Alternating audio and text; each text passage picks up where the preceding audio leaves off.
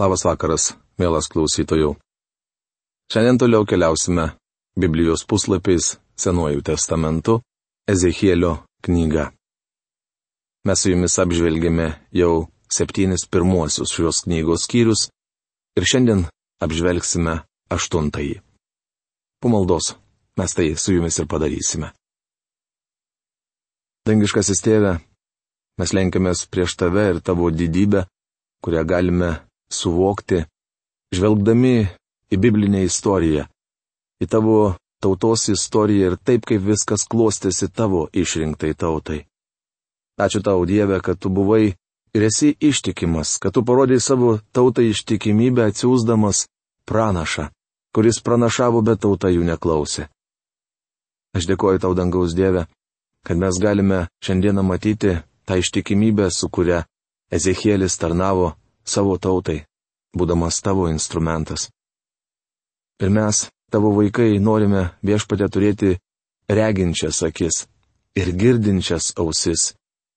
Norime vaikščioti tavo keliais, kad su mumis neatsitiktų kas blogesnio, kaip atsitiko su tavo tauta, kuri parodė tau neištikimybę. Meldžiame tavęs, kad šis vakaras ir prisilietimas prie tavo žodžio pajudintų kiekvieno tikinčio ir netikinčio širdį ir mes galėtume susimastyti, kaip svarbu yra studijuoti tavo žodį, kaip svarbu jį kasdien skaityti apie jį mąstyti ir dar svarbiau - priimti ir tavo dvasios pagalba palaikyti jį savo širdise. Meldžiame, kad šis vakaras būtų būtent toks. Padėk mums mūsų silpnume. Pameldžiame viešpatės Jėzaus vardu. Amen. Taigi, Ezekėlio knygos aštuntas skyrius. Dabar skaitysime antrą Ezekėlio knygos dalį. Joje rašoma, kad visiškas Jeruzalės ir Izraelio nuniokojimas tampa realybę, o viešpaties šlovė pasitraukia iš Jeruzalės šventyklos. Dievo šlovės regėjimas. Aštuntame skyriuje aprašytas dar vienas Ezekėlio regėjimas. Pranašas regėjimu buvo nuneštas į Jeruzalę prie šventyklos, kur matė viešpaties šlovę. Kila klausimas, ar Ezekėlis iš tiesų buvo perkeltas į Jeruzalę. Nors į šį klausimą dogmatiškai atsakyti negalima, pasidalinsiu savo nuomonę. Beje, šventojo rašto tyrinėtojai šiuo klausimu vieningos nuomonės neturi. Vieni aiškina, kad Ezekielis tiesiog matė regėjimą, būdamas prie Kebaro upės. Kiti mano, jog pranašas nuvyko į Jeruzalę ir vaikščiodamas po miestą, matė visą, kas čia prašyta. Abi šios hipotezės man nepriimtinos. Mano manimu, Ezekėlis patyrė kažką panašaus į tai, ką teko patirti apaštalams Pauliui ir Jonui. Antro laiško korintiečiams 12 skyriuje nuo pirmos iki trečios eilutės Paulius liudijo, jog buvo pagautas ir iškeltas iki trečiojo dangaus. Manau, tai įvyko Listroje, Galatijos šalyje. Apaštalų darbų knygoje skaitome, kad žydai sukurstė žmonės, tie apsvaidė Paulių akmenimis ir išvilko už miesto, palaikė į mirusių. Mano įsitikinimu, apaštalas iš tikrųjų buvo miręs ir Dievas prikėlė jį iš numirusių. Tuomet jis ir buvo pagautas ir iškeltas iki trečiojo dangaus. Ketvirtame prieškimo knygos skyriuje rašoma, kad Jonas taip pat buvo paimtas į dangų. Manau, tai simbolizuoja bažnyčios paėmimą iš pasaulio, kuomet visi tikri tikintieji bus pagauti debesysna ir amžinai pasiliks su viešpačiu. Antrame ir trečiame apreiškimo knygos skyriuose dažnai minima bažnyčia.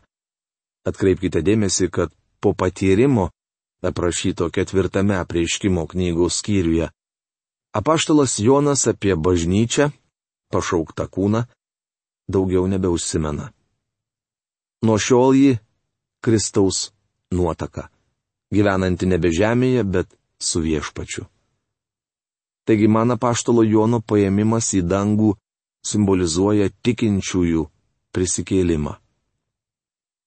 Ezekėlis buvo paimtas į dangų kaip Paulius ir Jonas, tačiau nemanau, kad Jeruzalės ir aplinkinių vietovių gyventojai būtų tai žinoję. Mes kalbame apie antgamtinį reiškinį, todėl negaliu jo paaiškinti paprastai ir racionaliai. Dievas pagavo pranašą ir iškėlė iki dangaus. Mielas bičiuli, tai stebuklas. Atsitiko taip, kad šeštų metų, šešto mėnesio penktą dieną man esant namie ir judo seniūnams sėdint priešais mane, viešpaties Dievo ranka nusileido ant manęs. Ezechielio knygos aštuntos skyriaus pirmą eilutę. Ezekielis sėdėjo seniūnų būryje. Spėju, kad tie vyrai buvo ganėtinai nuobodus. Pažvelgiau ir štai į ugnį panašus pavydalas. Žemiau to, kas atrodė kaip juosmuo, buvo ugnis, o aukščiau jo juosmens - lyg gintaro spindesys. Ezekėlio knygos aštuntos skyriaus antra eilutė. Šie žodžiai primena mums pranašo regėjimą, aprašytą pirmame šios knygos skyriuje. Anas įspūdingas Dievo šlovės regėjimas yra visų Ezechielio knygoje surašytų regėjimų, o mano nuomonė, ir apreiškimo knygos pagrindas. Jis ištiesė lyg ranką ir paėmė mane už galvos garbanos. Dvasia pakėlė mane tarp žemės ir dangaus, ir Dievo regėjimas nunešė į Jeruzalę prie vidinio kiemo šiaurinių vartų. Ten buvo pastatytas pavydo stabas, kuris žadina pavydą. Ten buvo ir Izraelio dievo šlovė kaip tas regėjimas, kurį buvau matęs slėnyje. Ezekėlio knygos 8 skyriaus 3-4 eilutės. Jis ištiesė lyg ranką. Dievas yra dvasia. Jis neturi jokios rankos kaip aš. Kad man būtų suprantama, šventajame rašte sakoma, jog dangus yra Dievo pirštų darbas. Kitaip tariant, aš negalėčiau įsivaizduoti, kaip Dievas sukūrė pasaulį be rankų. Kad mes geriau suprastume žinę apie tai, kas neturi ribų, Biblijoje vartojamos mūsų ribotam protui priimtinos savokos. Ir paėmė mane už galvos garbanos. Turbūt prisimenate, kad Ezechelis buvo nusiskutęs visus galvos plaukus ir barzdą. Tačiau nuo to laiko buvo praėję metai ir plaukai spėjo ataukti. Taigi Dievas paėmė jį už galvos garbanos. Dvasia pakėlė mane tarp žemės ir dangaus ir Dievo regėjimais nunešė į Jeruzalę. Ezekėlis iš tiesų buvo Dievo dvasios pakeltas ir nuneštas į Jeruzalę. Nesiginčiusiu, kur tuo metu buvo jo kūnas. Man atrodo, kad jis taip pat atsidūrė Jeruzalėje. Ezekėlio perkelimas nėra naujiena. Šventajame rašte mes jau skaitėme apie panašius atvejus. Karalių antros knygos antrame skyriuje rašoma, kad Elijas taip pat pakilo į dangų. Be to apaštalų darbų knygos 8 skyriaus 39 eilutėje skaitome. Išėjus iš vandens, viešpaties dvasia pagavo Pilypą. Eunuchas daugiau jo nebematė, tik džiūgaudamas traukė savo keliais. Pilypas buvo perkeltas iš tos vietos kūnų. Tas pats atsitiko Elyjui, o galbūt ir Ezechieliui. Taigi skaitykime toliau. Į Jeruzalę prie vidinio kiemo šiaurinių vartų, ten buvo pastatytas pavydo stabas, kuris žadina pavydą. Mano manimu, pavydo stabas gali reikšti stabą, kurį Manasas buvo pastatęs viešpaties šventykloje. Plačiau apie tai rašoma karalių antros knygos 21 ir metraščių antros knygos 33 skyriuose. Tai buvo šventvagystė kėlusi Dievui pasibjaurėjimą. Galbūt tas senas stabas buvo numestas į kampą ir kuriam laikui užmirštas, tačiau Ezekėlio dienomis jis vėl buvo ištrauktas. Žmonės, kurie turėjo gręžtis į viešpatį, vėl ėmė jį garbinti. Knygos dalyje nuo 8 iki 10 skyriaus skaitysime, kaip viešpaties šlovė palaipsniui pasitraukė iš ventyklos ir apskritai iš Izraelio krašto. Mano įsitikinimu, iš tikrųjų Dievo šlovė pasitraukė Manasų valdymo dienomis ir čia Ezekėlis aprašo tik matytą regėjimą. Žinau, kad daugelis šventojų rašto aiškintojų mano, jog viešpaties šlovė iš šventyklos pasitraukė tremties laikotarpiu, tačiau aš linkęs manyti kitaip. Jei viešpaties šlovė, tai yra Dievo artumas, nepaliko šventyklos nedoriausio karaliaus Manasų valdymo dienomis, nesuprantu, kodėl ji būtų turėjusi pasitraukti vėliau. Šiame skyriuje nepateikiamas išsamus aprašymas apie viešpaties šlovės pasitraukimą. Skaitydami jį pamatysime, kad žmonėms nesigręžiant į Dievą, jo šlovė paliko šventyklą ir kurį laiką dar lūkuriavo ties rytiniais miesto vartais. Galutinis Dievo šlovės pasitraukimas aprašytas dešimtame skyriuje. Nemanau, kad esama kokiu nors įrodymu, jog po Manaso valdymo laikotarpio viešpatie šlovė dar buvo šventykloje. Šiuo regėjimu Dievas norėjo parodyti Ezechieliui, jog jis gailestingas. Viešpats neskubėjo pasitraukti ir buvo pasirengęs išgelbėti Izraelio tautą, jei tik ji būtų atsigręžusi į savo Dievą. Mielas bičiuli, Dievas yra gailestingas ir mylintis, bet kartu teisus ir teisingas, todėl neleis, kad jo visatoje viešpatautų blogis. Jis negali toleruoti tuo, kas priešinga jo esybei. Dievas negali išgelbėti mūsų dėl to, kad mes teisūs ar tobuli. Galbūt norite paklausti, kodėl? Todėl, kad mes nesame nei teisūs, nei tobuli o mūsų netobulumo ir abejotino teisumo jis priimti negali. Todėl Dievas turėjo pats parūpinti žmogui atpirkimą ir šiandien mes privalome ateiti pas Dievą jo nurodytų būdu. Tai yra per tikėjimą viešpačių Jėzumi Kristumi. Jei to nepadarėme, turime tik senąją prigimtį, kuri maištauja prieš Dievą viešpats nepakestų savo visatoje. Panašiai kaip policininkas nepriglaus recidivisto.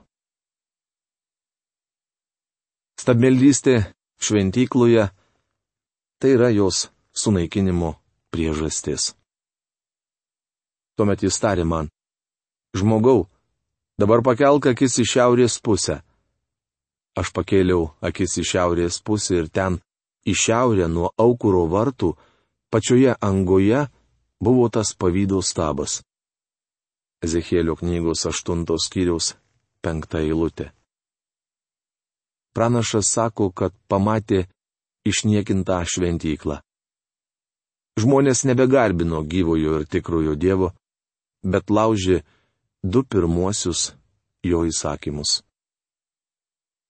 Jis nuvedė mane prie įėjimo į kiemą ir ten apsižvalgęs pamačiau skylę sienoje.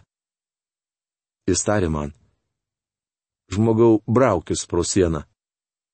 Ėmiau verštis pro sieną ir štai įėjimas. Jis kreipėsi mane, eik į vidų ir išvysk tuos nedorus nusikaltimus, kuriuos jie ten daro. Ezechielio knygos 8 skyriaus 7-9 eilutės. Jei Ezekielis būtų buvęs Jeruzalėje tik dvasia, kaip jis būtų galėjęs prasibrauti pro skylę sienoje. Pranašo dvasiai nebūtų reikėję niekur brautis. Mano įsitikinimu, Ezekielis buvo Jeruzalėje kūnu. Jis pralindo pro skylę sienoje ir atsidūrė kažkokiame Rusyje ar pusrusyje. Kągi Ezekielis ten išvydo? Įėjęs vidun pamačiau, kad ten visur ant sienų pavaizduoti visokiausi ropliai, šlykštus gyvuliai ir visi Izraelio namų stabai. Ezekėlio knygos 8 skyriaus 10 eilutė. Kai matome, tauta garbino kūrinius, o ne kūrėją. Mielas bičiuli, norėčiau jūsų paklausti, kas gali būti nekingiau. Taip elgesi žmogus tuomet, kai visiškai atstumė gyvąjį ir tikrai Dievą. Ta pati Izraelitai darė Egipte prieš Dievui išvedant juos iš vergijos namų. Jie garbino visokiausius roplius, gyvulius, vabzdžius ir paukščius. Taigi ir bausmės, kurias patyrė Egipto kraštas, buvo nukreiptos prieš skirtingus egiptiečių dievus. Laiškų romiečiams pirmame skyriuje 21 ir 25 eilutėse skaitome. Pažinę Dievą jie negarbino jo kaip Dievo. Jie Dievo tiesą iškeitė į melą ir lenkėsi bei tarnavo kūriniams, o ne kuriejui, kuriam šlovė per amžius. Amen. Tai reiškia, kad izraelitai buvo nusiritę iki aplinkinių tautų lygio ir daugiau nebebuvo gyvojo bei tikrojo Dievo liudytojai. Dievas per Ezekėlį sako, kad dėl šios priežasties sunaikins šventyklą. Priešais juos stovėjo 70 Izraelio namų seniūnų draugė su Šafano sunumi Jazaniju. Kiekvienas laikė rankoje smilkytuvą ir kvapus, smilkalų dūmų debesis kilo aukštyn. Tuomet jis tarė man. Žmogau, ar matai, ką Izraelio namų seniūnai daro patamsiais, kiekvienas savo stabų kambaryje sakydami, viešpats mūsų nemato, viešpats paliko kraštą. Ezekėlio knygos 8 skyriaus 11-12 eilutės. Matote, jie buvo nusigręžę nuo Dievo. Tautos seniūnai kalbėjo, kad Dievas jų nemato. Taip pat ir tie, kurie šiandien tvirtina, jog Dievas yra miręs, iš tikrųjų nori pasakyti, kad jis nemato jų, kad mes prieš jį neatsakingi ir nieko jam neskolingi, todėl galime elgtis kaip norime. Štai kaip samprotavo Izraelitai. Galiausiai jie ėmė garbinti šį stabą ir darė tai paslapčia. Šiandien sakytume, kad tai buvo slapta ložė. Bičiuli, šiandien tikinčiojo kūnas yra Dievo šventikla žemėje. Ar jam tai yra Dievui patinka tai, kas dedasi jūsų galvoje ir širdyje? Pamatysi nedar bjauresnių nusikaltimų, kuriuos jie daro. Po to jis atvedė mane prie viešpaties namų šiaurinių vartų. Ten sėdėjo moterys raudančios tamūzo. Jis tarė man, žmogau, ar matei? Pamatysi dar net bjauresnių nusikaltimų negu šie. Ezechielio knygos 8 skyriaus 13-15 eilutės. Ten sėdėjo moterys raudančios tamūzo. Kaip matome, prie šventyklos vartų dėjusi baisiausi dalykai. Tamūzas buvo babiloniečių besiskleidžiančios augmenijos dievas Dumuzis. Kiekvieną rudenį jis mirdavo ir iškeliaudavo į žemutinį pasaulį, o vasarą vėl atgydavo.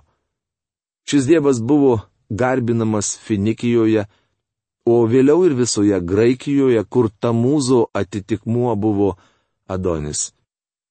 Moterys apraudodavo šio dievo mirtį. Iš tikrųjų tai buvo gamtos garbinimas, kurį lydėjo bjauriausios apėgos.